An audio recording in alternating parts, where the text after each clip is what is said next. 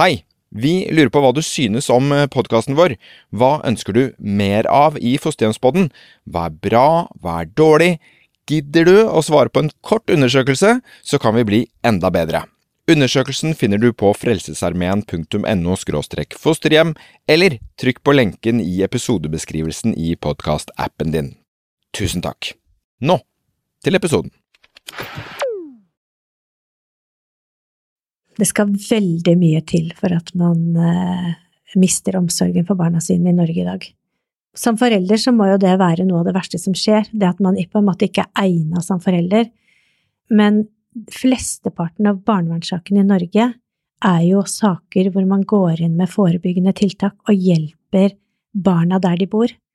Men noen ganger, ganske sjeldent i forhold til antall saker, så må barnet flyttes ut fordi at foreldrene ikke klarer å ivareta den daglige omsorgen.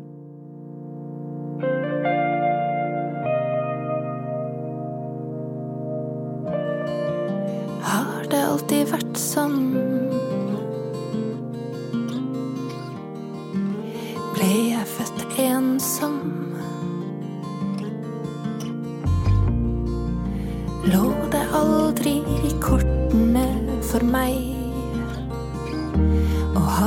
Familie og slå leir. Velkommen til en uh, rykende fersk episode av Fosterhjemspodden, hvor vi i dag skal svare ut en del sånne vanlige spørsmål som noen ganger er litt kritiske. Uh, det er noen der ute som har oppfatninger om hva fosterhjem er.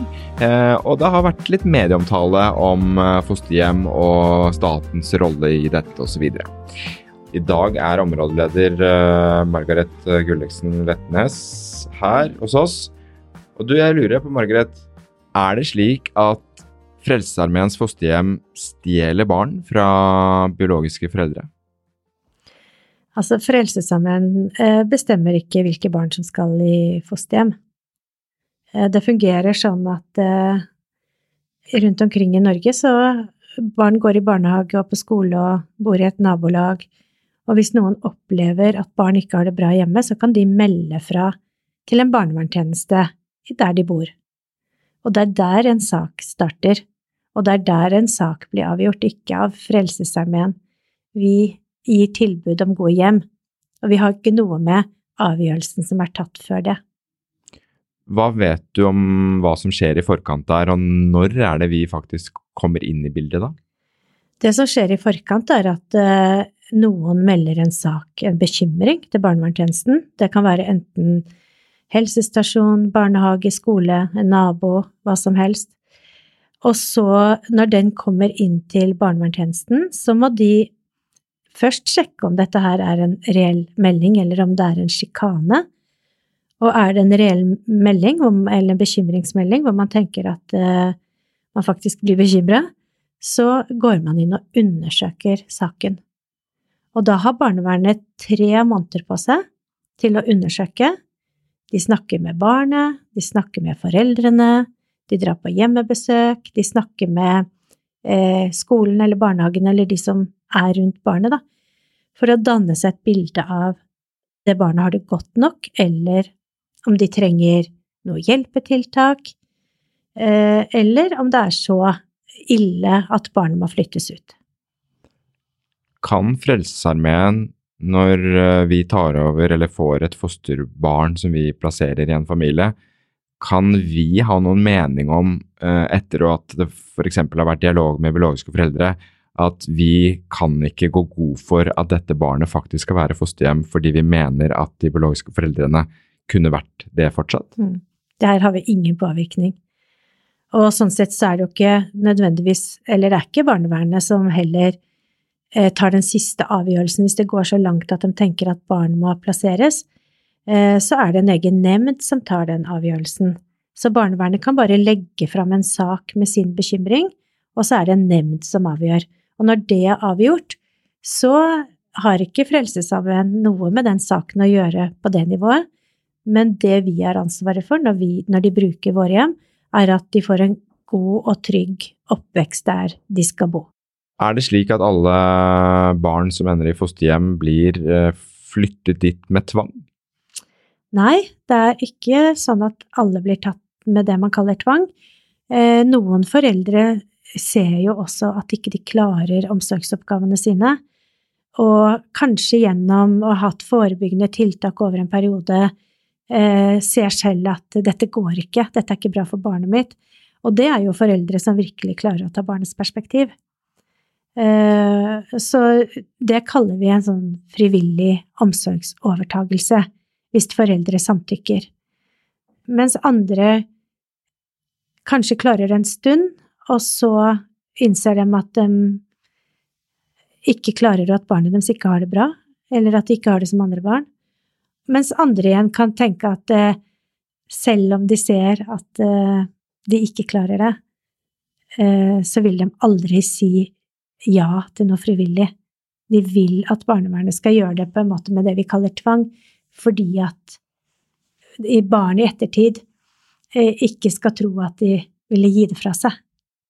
Så der har du også mange variasjoner eller mange forskjellige måter å gjøre det på. Ja, Kan det skje at disse foreldrene kan bli møtt med at uh, dette bør dere klare, eller dere har alle forutsetninger for å Dette er ikke et så forferdelig hjem? At barnet skulle klare å bo der? Nei, at ja, at, uh, at ikke det, man har god nok grunn mm. til å Eller er det stort sett uh, helt reelle, på en måte, alvorlige saker? Det er jo helt reelle, alvorlige saker når man går så langt at man tar omsorgen for andres barn. Men det er klart det er vanskelig Ja, Nå tenker jeg på de som vurderer det selv, altså. Vurderer sin egen omsorgsevne. Oh, ja, sånn, de som vurderer sin egen omsorgsevne. Kan det skje at man på en måte øh, er for kritisk til seg selv, og at uh, barnevernet svarer at vet du hva, Dette klarer du er ikke en så forferdelig forelder, ja. vi skal hjelpe deg, dette trengs ikke. Det, det, kan være at man sier at uh, dette klarer du fint, du trenger bare noe hjelp, og vi skal hjelpe deg, og så kommer man med forslag til hva som kan være god hjelp, eller foreldrene selv sier hva trenger du for å være en god forelder. Det kan også skje. Hva er ditt inntrykk da, Margaret? Er det for lett å miste barnet sitt i Norge i dag? Um, det skal veldig mye til for at man uh, mister omsorgen for barna sine i Norge i dag. Som forelder så må jo det være noe av det verste som skjer, det at man på en måte ikke er egnet som forelder. Men flesteparten av barnevernssakene i Norge er jo saker hvor man går inn med forebyggende tiltak og hjelper barna der de bor. Men noen ganger, ganske sjeldent i forhold til antall saker, så må barnet flyttes ut fordi at foreldrene ikke klarer å ivareta den daglige omsorgen. Og fosterforeldrene og fosterhjemskoordinatorene er jo ofte tett på biologiske foreldre. De er eh, Fosterhjemskoordinatorene hos oss da i Frelsesarmeen, de er jo tett på fosterforeldrene. Det er barnevernstjenesten som har ansvaret for biologiske foreldre etter plassering. Så den måten eh, våre koordinatorer i Frelsesarmeen eh, har kontakt med foreldrene, er hvis de f.eks. er med når det er samvær, eller når det er møter og foreldrene er på møter, så de har ikke veldig tett kontakt med dem nødvendigvis. Det varierer litt fra sak til sak. Ja, Hvordan foregår det, da, at uh, barnevernstjenesten styrer den kontakten? Det er barnevernstjenesten som styrer kontakten, og så er det veldig forskjell på om eh, biologiske foreldre kan besøke barnet sitt i fosterhjemmet, eller om eh, de må ha besøkende på et annet sted utenfor fosterhjemmet, mer sånn tilrettelagt sted. Og noen ganger så må det være tilsyn, og andre ganger så kan foreldrene være sammen med barnet uten tilsyn. Så der er det mange eh, varianter av samvær. Og det kommer da an på hva barna er utsatt for, eller hva er det det går det kommer Det kan komme an på hva barna er utsatt for, om man er usikker på eh, hva som kan skje under de besøkene.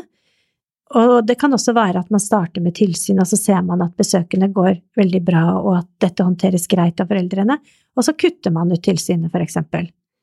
Men hvis det for eksempel er barn som er utsatt for vold, eller foreldrene eh, snakker til dem om eh, det er ikke bra for deg å bo i fosterhjem, vi skal få deg hjem igjen, og på en måte manipulere på den måten, så er ikke det bra for barnet, og det er jo barnets beste som må være i fokus.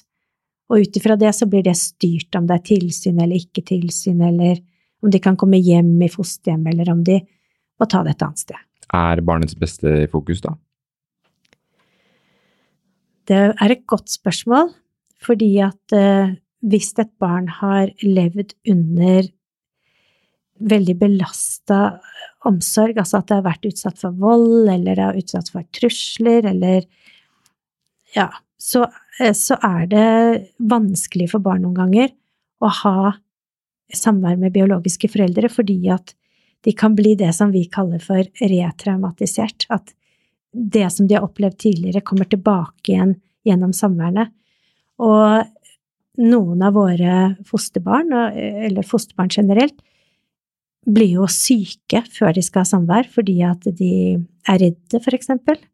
Eller fordi de er redd for at det skal skje noe, eller de vet at foreldrene truer dem, eller Og så går kanskje både uka før og uka etter det samværet blir vanskelig for barnet, og noen barn uttrykker at de ikke vil ha samvær eh, fordi de blir dårlige av det.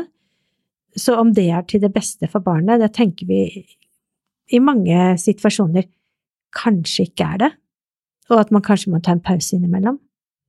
Og da er det igjen altså ikke Frelsesarmeen som har noe makt over denne kontakten med biologiske foreldre? Nei, det er ikke Frelsesarmeen. Hvis man har fått en eh, i denne nemnda som jeg nevnte tidligere, som avgjør disse sakene, der setter man også opp eh, hvordan besøkene mellom biologiske foreldre og fosterbarn skal være når barnet da flytter ut. Og dersom man skal endre på det, si at noen foreldre har fått seks samvær i året da, av tre timer, og så ser man at uh, dette her går veldig utover barnet. Barnet blir det vi kaller for retraumatisert, eller ikke vil, får vondt i magen, blir syk, gråter. Så må man løfte den saken igjen inn i den nemnda og behandle samværene på nytt. Og da, det Frelsesarmeen kan ikke si at nei, her skal det ikke være samvær. Da er det barnevernstjenesten som uh, fører en sånn sak. Men Frelsesarmeen kan komme med noen eh, innspill eh, på noen måte, hvis vi ser at barna vi har ansvar for, ikke har det bra, nettopp det du peker på nå, blir dårlig i forkant, andre ting. Og det er jo noe av det ansvar vi har som eh, omsorgspersoner for disse barna, det er jo at de skal ha det bra. Og hvis man ser at barn blir dårligere av å ha samvær, og man får traumer, om man får vondt i magen, om man ikke vil, så er jo vårt ansvar å si fra til de som har ansvaret. Så det gjør vi. Og så er det de som da bestemmer hva de skal gjøre videre.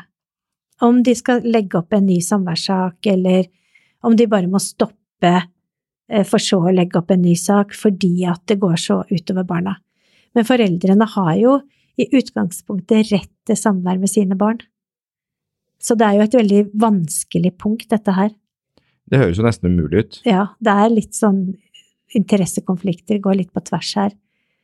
Eh, og man kan høre mange foreldre, altså vi som er foreldre, vi identifiserer oss gjerne med foreldrene fordi vi er foreldre selv, for eksempel. Og da er det vanskelig å holde oppe det barneperspektivet, at er dette bra for barnet? For man har så medynk for de foreldrene som kanskje ikke får treffe barna sine. Men vår jobb, da, og de som jobber i barnevernstjenesten og i disse nemndene rundt omkring, er jo å ta hensyn til barnas beste. Hva er best for dette barnet? Og den kunnskapen er det de skal ha og sitte på. Men det er ikke noe enkelt. Vil du si at det er lettere å legge vekt på foreldrenes rett enn barnas beste? Det er i hvert fall veldig mye lettere for voksne å identifisere seg med voksne enn med barn. Ja, for det sitter ikke noe barn i denne dommerjuryen i rettssakene Mm, der? der Og... I den nemnda så sitter det ingen barn. Nei. Men det er sånn at eh, dersom man tar opp et sånn samværsspørsmål i nemnda, eller man skal ta opp en omsorgsovertakelse, det at barn blir, eller foreldre blir fratatt barna sine, så får barna uttale seg. Og er de gamle nok, så får de også uttale seg i nemnda, og er de ikke gamle nok, så har de en talsperson som prater med dem og forteller til nemnda hva barna har sagt.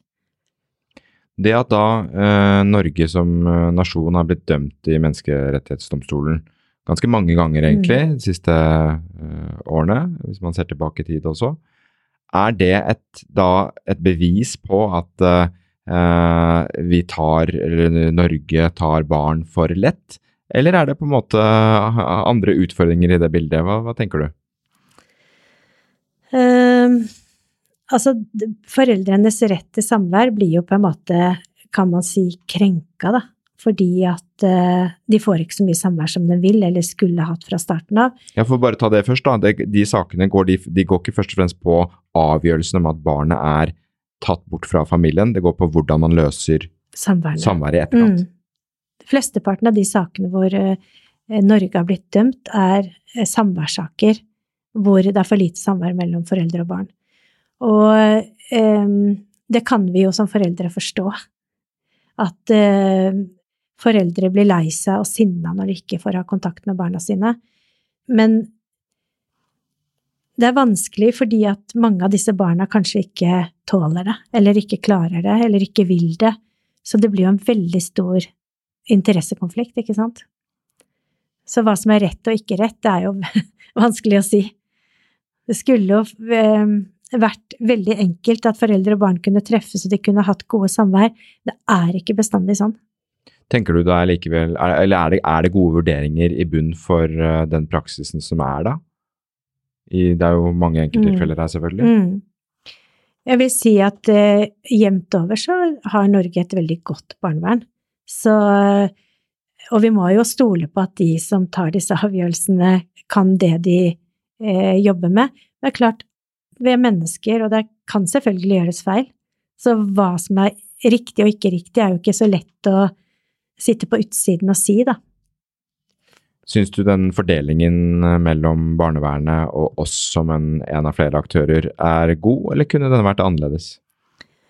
Den er egentlig veldig god, fordi at eh, eh, det er viktig for de som skal ivareta barna, at ikke de har noe avgjørelse i forhold til foreldrene. De skal passe på at barna har det godt, og at de eh, eh, får den omsorgen og den tryggheten de trenger. Og så får noen andre ta de avgjørelsene som ligger utenfor. Så jeg tenker at det er egentlig en veldig fin måte å jobbe på. Det er, det er jo noen land eh, hvor eh, vi har sett noen russiske reportasjer annet Mm. om norsk barnevern, hvor de virkelig lager et, eh, et stygt bilde av hvordan det fungerer i Norge. Hva er det som gjør at, at etterlatt inntrykk er sånn eh, mer enn noen steder? Mm. Jeg tenker vel at noen av de som kommer fra land som er kritiske til Norge, eh, blir det samme som det er blant norske foreldre, at noen egner seg veldig godt til å være foreldre og klarer det utmerket, mens andre klarer ikke, og noen av de havner her, og da er det norske myndigheter som har ansvaret.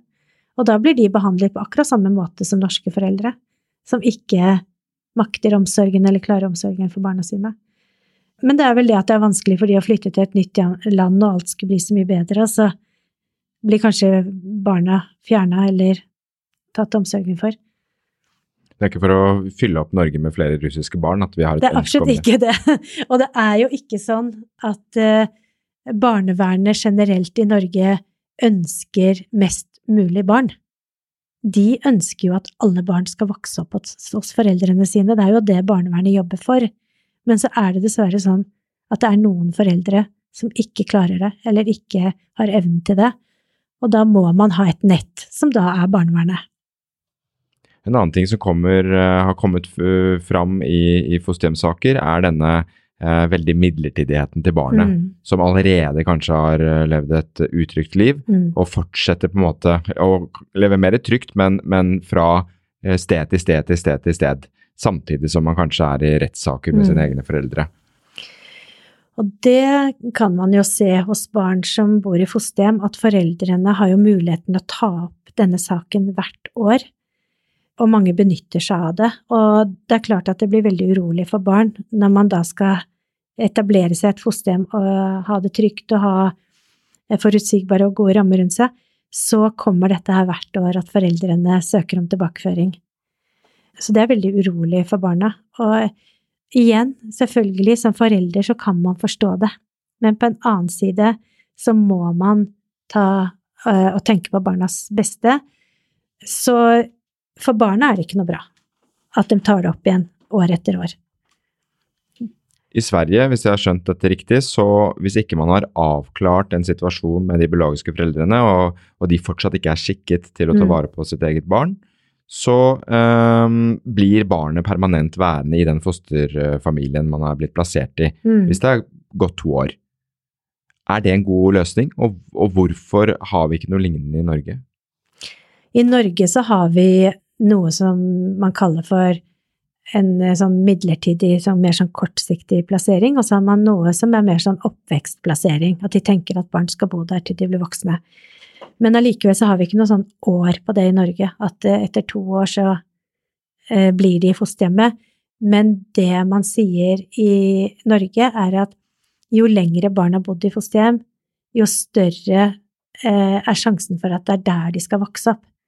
Eh, Så det skal være vanskeligere å få tilbake barna hvis de f.eks. har bodd i fosterhjem i fem år. Men det er ikke noe Det er ikke sagt noe år. Det er ikke sånn at det er sånn det blir. For det kan også bli tilbakeføring til foreldre. Hvis det er det beste for barnet. Det er jo det det skal være. Ja, for hva, hva er det vi oftest snakker om her? Hva slags foreldre er det? Eh, det er mye som kan skje i løpet av et liv. Mm. Hvem er det som typisk ikke klarer å ta vare på sine egne barn? Der er det så mange ulike Altså, alle saker er forskjellige, men sånn jevnt over så kan det være for eksempel psykiatri. Det kan være alkohol. Det kan være at barn blir eh, mishandla. Det er fælt å si det, men sånn er det. Noen barn blir mishandla. Så det kommer jo helt an på hva problematikken egentlig er, da, og hvor gode prognoser disse foreldrene har for å bli gode foreldre igjen. Og noen bli, blir eh, tilbakeført, og foreldrene klarer seg, sier de kommer ut av et rusproblem, da. Men da må de også vise at de klarer å holde seg ut av rus sant, før de får barna tilbake igjen. Og da går jo årene. To år er veldig kort tid på å bli frisk, eller fra å gå gjennom en behandling, eller hva man skal for å få barna igjen. Det er jo en veldig kort tid, men det er vanskelig å si generelt, liksom, om det er lenge eller kort, eller Men i Norge så har vi ikke de to årene.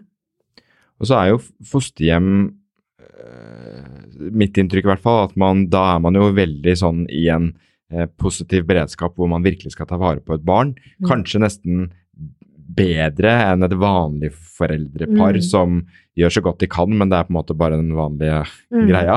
Mens i et uh, fosterhjem så er man veldig innstilt på den rollen og jobben man har. Mm. uh, utover sånn vanlig foreldreskap, nesten. Og når det har pågått en tid, um, så kan det godt være at det sitter noen biologiske foreldre her som fint kan ta vare på barnet sitt, men barnet har jo likt den fosterhjemsfamilien så godt. Mm. Det kan ikke alltid være lett å, å, å flytte de tilbake, uansett hvor mye godkjente omsorgspersoner biologiske foreldre er blitt. Nei, det er en kjempeutfordring, og det er veldig vanskelig, for det er vanskelig å vite hva som på sikt vil bli det beste for disse barna.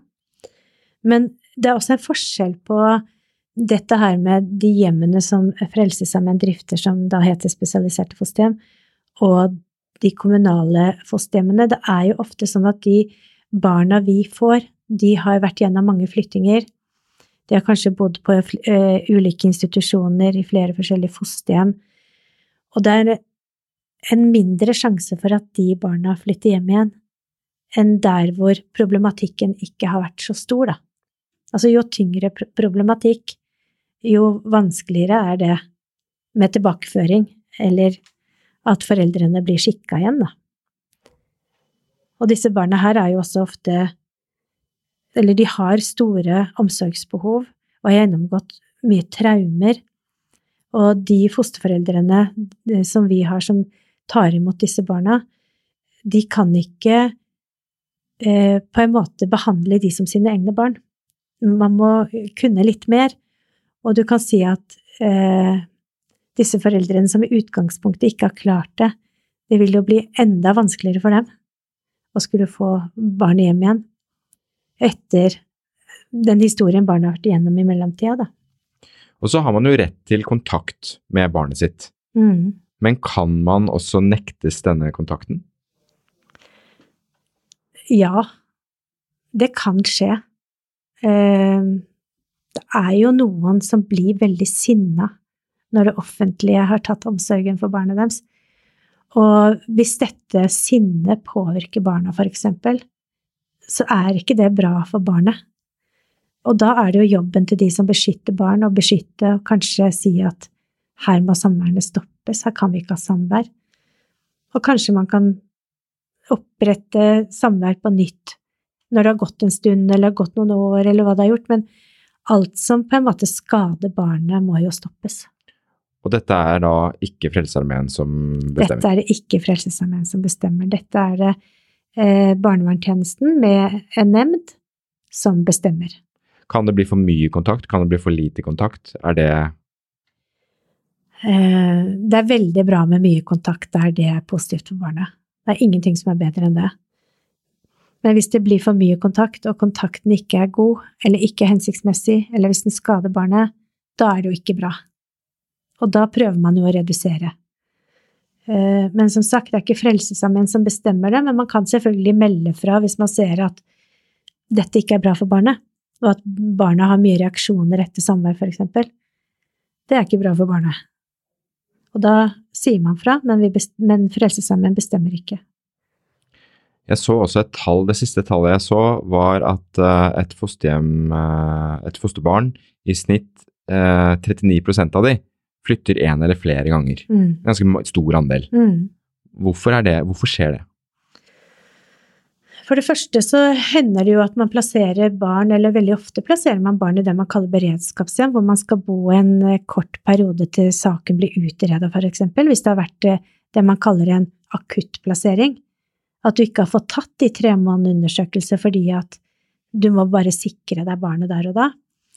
Og mens da den saken skal undersøkes og utredes, så blir barnet enten plassert på en barnevernsinstitusjon, hvis det kommer litt an på alder, eller i et beredskapshjem. Det er som et fosterhjem som tar barna akutt i for en kortere periode. Og når de da saken er ferdig behandla, så skal jo det barnet videre, kanskje i et fosterhjem. Og øh, så flytter det kanskje i et fosterhjem da, etter en tid, og så er det barn, dette her som vi snakker om nå i disse forsterka eller spesialiserte fosterhjemmene, det er barn som har opplevd veldig mange vonde ting. Og det er eh, ofte vanskelig å gi god omsorg til sånne barn. Og noen ganger så er det det at fosterforeldrene ikke makter eller ikke klarer. Eller så kan det være at eh, barnet stikker av fra en institusjon, eller så kan det bli flere flyttinger fordi at de smerteuttrykkene som vi sier, at barna er så store at det er vanskelig å håndtere dem for et foreldrepar, for eksempel. Og sånn har det jo skjedd flere ganger at barn har måttet bytte omsorgsbase, noe ingen syns er bra, men som dessverre skjer noen ganger. Skjer det da oftest i disse akutte, mer akutte beredskapshjemmene at flyttingene skjer, eller er det jevnt over både fra fosterhjem til fosterhjem til Ja, det kan skje både fra fosterhjem til nytt fosterhjem, eller fra fosterhjem til institusjon, eller fra institusjon til fosterhjem. Og det er veldig uheldig at det skjer. Eh, men dette gjelder jo da barn som eh, har opplevd mye eh, vondt i livet og har det man kaller store smerteuttrykk, og som det er vanskelig å gi god omsorg til fordi de kanskje ikke er så mottagelige for det. Og så er det noen fosterforeldre som føler at de ikke strekker til, ikke sant, så, så kan man si opp en avtale. Det er veldig trist når sånne ting skjer, men det skjer faktisk. Eller eldre barn som stikker av, nekter å flytte tilbake igjen. Du har mange varianter der òg, men det vil jo si at enhver sånn flytting for et barn er veldig uheldig, og at det gir på en måte en ekstra belastning for dem videre i livet, da. Er det også øh, vold som kan utøves på fosterforeldre, andre ting som gjør at det er en risiko der? At man må flytte barnet rett og slett fordi disse eh, som skal være omsorgspersoner, blir utsatt for eh, Det skjer. Mm. At de blir utagerende, som vi kaller det, og gjør ting som gjør at fosterforeldrene kanskje blir redde. Og man kanskje må være flere omsorgspersoner som ivaretar. At to ikke kan klare det alene. Hvorfor kunne man ikke bare ha fulgt opp de biologiske foreldrene bedre, istedenfor å ta fra foreldrene barnet, mm. og så skal det tilbake igjen Hvorfor kunne man ikke bare fulgt opp foreldrene og prøvd å gjøre de biologiske foreldrene til et bedre foreldrepar Mm. eller, eller forelder? I mange barnevernssaker så gjør man jo det. Man er inne med utallige eh, forebyggende tiltak.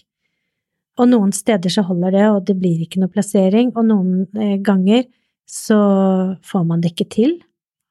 Og man må flytte barna ut, og så kan de kanskje tilbakeføres etter en viss tid. Men det er klart at det hvor mye man skal sette inn for at barnet ikke skal flytte, det er jo også veldig vanskelig, for dette her er jo ikke noe sånn ja, har du så og så mye problemer, så skal vi putte inn så og så mye forebyggende tiltak. Dette er jo noe som er utøvd av skjønn, ikke sant? Og det er klart, det kan godt være det, at i noen saker så kunne man ha hatt mer tiltak og tyngre tiltak inne, men det er ikke lett å vite hva som hadde hjulpet, fordi at eh, eh, Ja, eller fordi det er skjønnsregulert, eller fordi man bruker sine vurderinger oppi dette her. Og det er ikke det man Det er mulig det er gjort feil noen ganger, men jeg tenker at eh, det er ikke mye omsorgsplasseringer i Norge, som jeg sa tidligere, i forhold til alle de sak, barnevernssakene som er, da. Og så er det kanskje noen saker som er helt sånn åpenbare at her må barnet ut. Mm.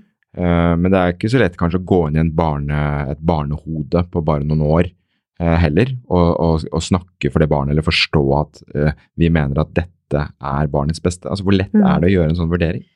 Det er veldig vanskelig, fordi at når man jobber inne i familier hvor det er utfordringer, da, så blir det jo veldig mye sånn underrapportering.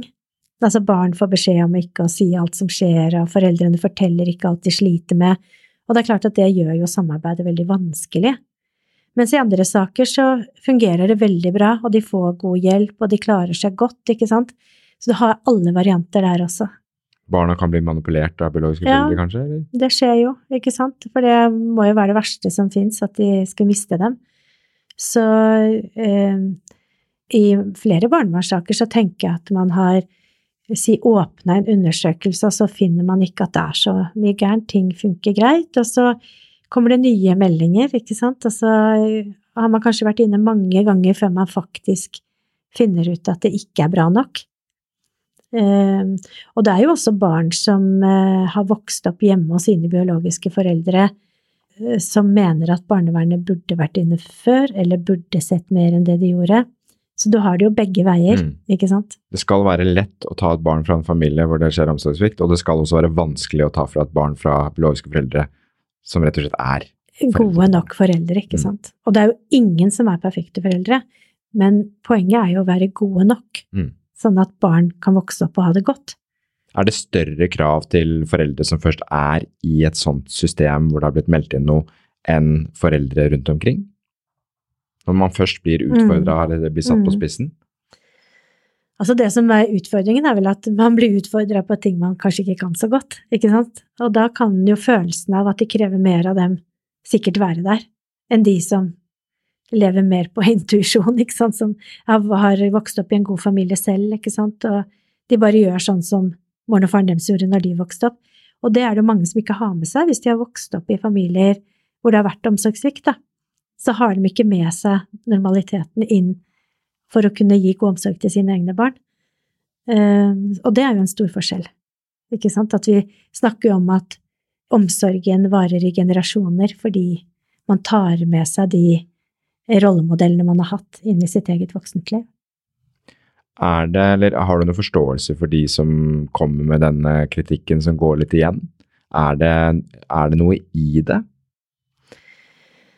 Som regel så, eh, så tror jeg, da, eller vi som eh, ser at noen til tider kan komme med litt sånne spydige bemerkninger og litt sånne stygge innlegg, kan kan jo være at de kjenner en familie som kanskje har blitt fratatt barna sine, og som mener de at det er feil. Men det er jo sånn at vi vet ikke alt som skjer i en sak, og barnevernstjenesten de har jo taushetsplikt overfor familiene. Så selv om jeg ville tenkt at de var da gode nok foreldre, så kan det være mye jeg ikke vet. Og så kan jeg bli sint på barnevernet fordi at eh, jeg liker jo de folka så godt, og de er jo så ålreit. Men så kan det være ting som skjuler seg bak fasaden som jeg ikke vet om. Så jeg tenker at man skal vokte seg litt for det. Og synes og mene mye om, om andre. For man, eh, man kan ikke vite alt. Og hvorfor er det så viktig at det er en fosterhjemstjeneste der, da? Tenker du i Frelsesarmeen eller generelt? Generelt, egentlig, Mm. men også i Frelsesarmeen. Ja. Eh, fordi at eh, barn har mye bedre av å bo i en familie enn å bo på en institusjon, for eksempel. Og yngre barn spesielt bør jo vokse opp hos en familie istedenfor å vokse opp i en institusjon. Og jeg tenker jo at de fosterhjemmene som vi tilbyr eh, det offentlige, de har jo eh, spesielle forutsetninger for å kunne eh, ivareta og gi god omsorg til disse barna som har opplevd kanskje enda større eh, omsorgssvikt og, og flere traumer enn andre barn har. Og Derfor tenker jeg det er viktig at man har noen som vil dedikere livet sitt eller del av tida si til å gjøre en sånn jobb, da. Vet du hvorvidt våre, eller de fosterforeldrene som er i, som har våre fosterhjem, blir de møtt med dette av andre? At de er med på å på en måte ta barn bort fra Eller hvordan merker eh, dere dette i det daglige? Eh, Nei, vi merker ikke sånn på den måten. Vi merker det vel helst eh, via media og medier. Eh, at det er noen som reagerer på at barn vokser opp i fosterhjem under Frelsesarmeen. Men det er jo ikke Frelsesarmeen da, som vi har forklart tidligere, han bestemte, det er det barnevernet som har bestemt. Og så tenker vi at noen må ta imot disse barna og gi dem en god og verdig oppvekst. Og det, der er Frelsesarmeen gode, og der tror jeg Frelsesarmeen og, og våre fosterhjem har mye å gi. Tusen takk skal du ha, Margaret.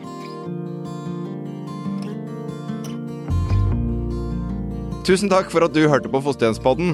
Vil du vite mer om det å være fosterforelder, så har vi samlet uh, alle de typiske spørsmålene som folk lurer på, på vår nettside, og svart så godt uh, vi kan. Den lenken den finner du i podkastappen din. Og der kan du også abonnere på eh, Fosterhjemspodden, sånn at de nye episodene kommer automatisk inn på telefonen din.